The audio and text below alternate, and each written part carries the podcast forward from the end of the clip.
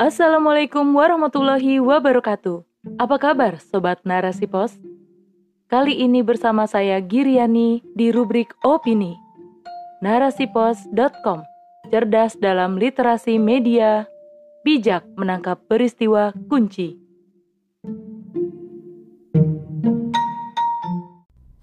Maraknya investasi bodong, kapitalisme, biang kerusakan mental generasi oleh Mariam.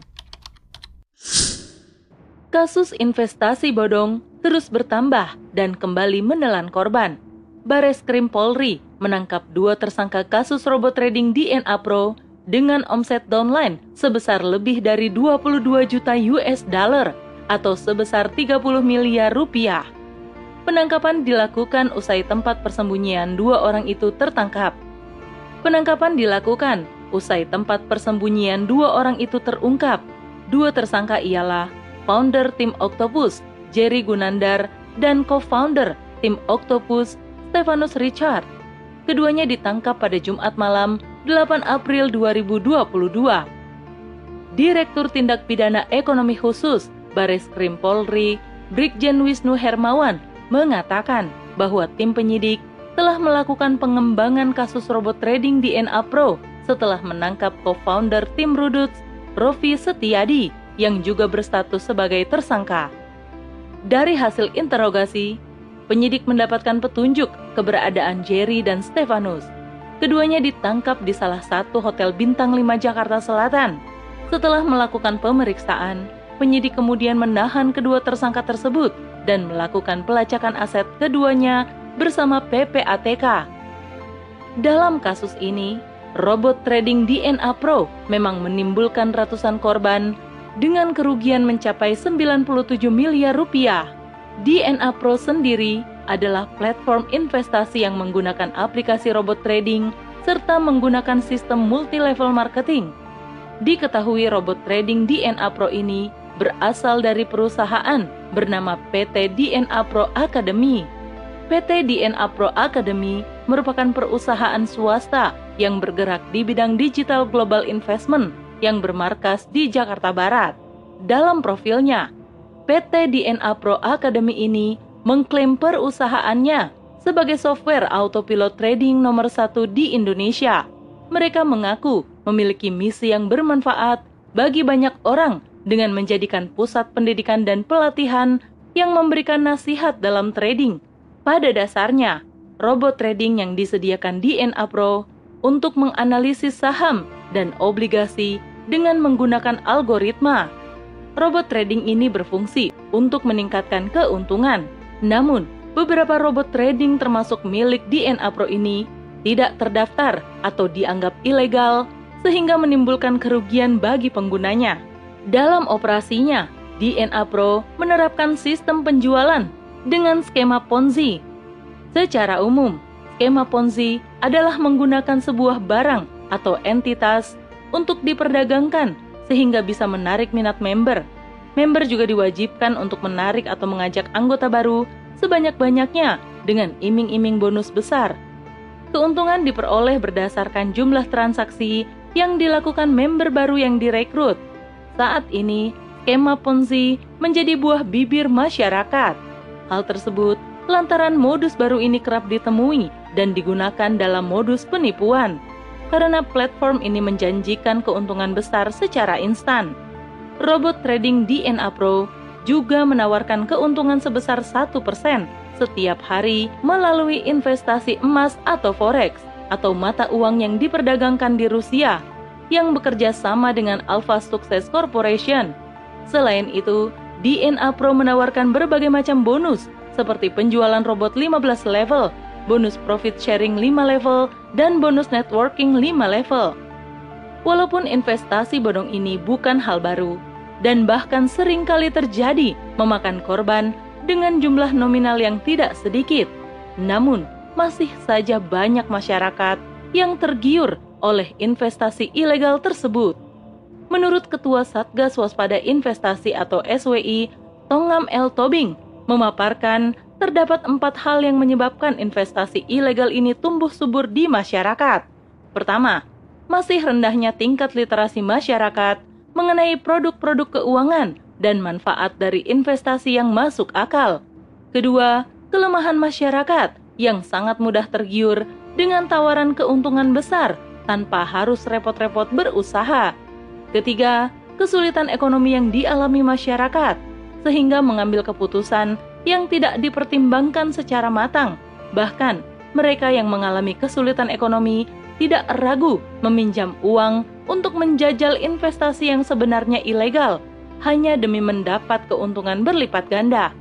Terakhir, banyak yang terjebak dengan investasi bodong lantaran melihat testimoni pengalaman orang yang sudah lebih dulu bergabung. Testimoninya tentu saja menggiurkan untuk menarik minat anggota baru. Padahal, orang-orang yang melakukan testimoni itu adalah menginginkan orang lain untuk terjebak juga seperti dirinya.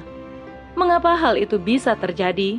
Karena meningkatnya kasus kemiskinan yang semakin tinggi, ditambah pandemi, mengakibatkan banyak orang yang kehilangan pekerjaan. Dengan berbagai masalah impitan ekonomi, serta banyaknya kenaikan harga yang melonjak drastis, membuat banyak masyarakat untuk berinisiatif melakukan investasi dengan iming-iming yang menggiurkan, sehingga bisa meraih keuntungan besar tanpa harus melakukan banyak hal. Wajar jika ini banyak terjadi dan terus akan berulang karena penerapan sistem yang keliru membuat kita ambigu dalam memilih kebenaran.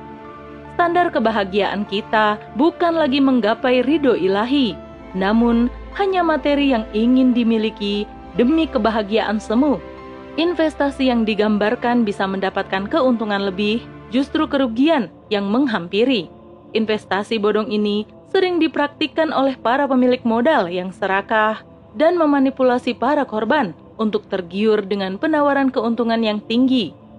Sebagai garda terdepan, peran negara yang seharusnya bisa menyaring para pelaku investasi pun telah gagal dalam membasmi investasi bodong yang menjamur di masyarakat tidak cukup menindak pelaku terkait investasi bodong dan para pelaku judi online, namun harus merevisi orientasi rusaknya akar dari permasalahan yang muncul di masyarakat oleh sistem kapitalisme. Banyak masyarakat yang menikmati hasilnya, namun setelah rugi, baru mereka melapor. Ini perlu adanya perubahan mindset masyarakat secara keseluruhan agar tidak mudah tergiur oleh keuntungan yang didapat secara instan. Tentu saja, perubahan besar dalam mindset masyarakat harus dibawa oleh pola pikir Islam, karena Islamlah yang mampu menggiring manusia sebagai fitrahnya sebagai Abdullah atau hamba Allah. Sebagai hamba Allah, kita tidak lepas dari aturan yang telah dibuat penciptanya, dan konsep itu Allah jadikan secara praktik dengan melibatkan negara yang menerapkan syariat Islam yang disebut khilafah. Masyarakat dalam khilafah akan diedukasi agar semua perbuatannya terikat dengan aturan Allah. Khilafah berkewajiban mengurusi seluruh urusan masyarakat, termasuk di dalamnya memastikan tidak berkembangnya aktivitas yang menyalahi syariat Islam seperti investasi bodong. Sebagaimana tugas khalifah terkait tanggung jawab atas rakyatnya dalam hadis riwayat Bukhari, Rasulullah Shallallahu Alaihi Wasallam bersabda, Al-Imam atau Khalifah adalah roin atau penanggung jawab dan ia akan dimintai pertanggungjawaban atas pengurusan rakyatnya. Khilafah sebagai institusi negara wajib menghilangkan aktivitas ekonomi non-real yang menjadi sumber krisis dan ketimpangan ekonomi saat ini.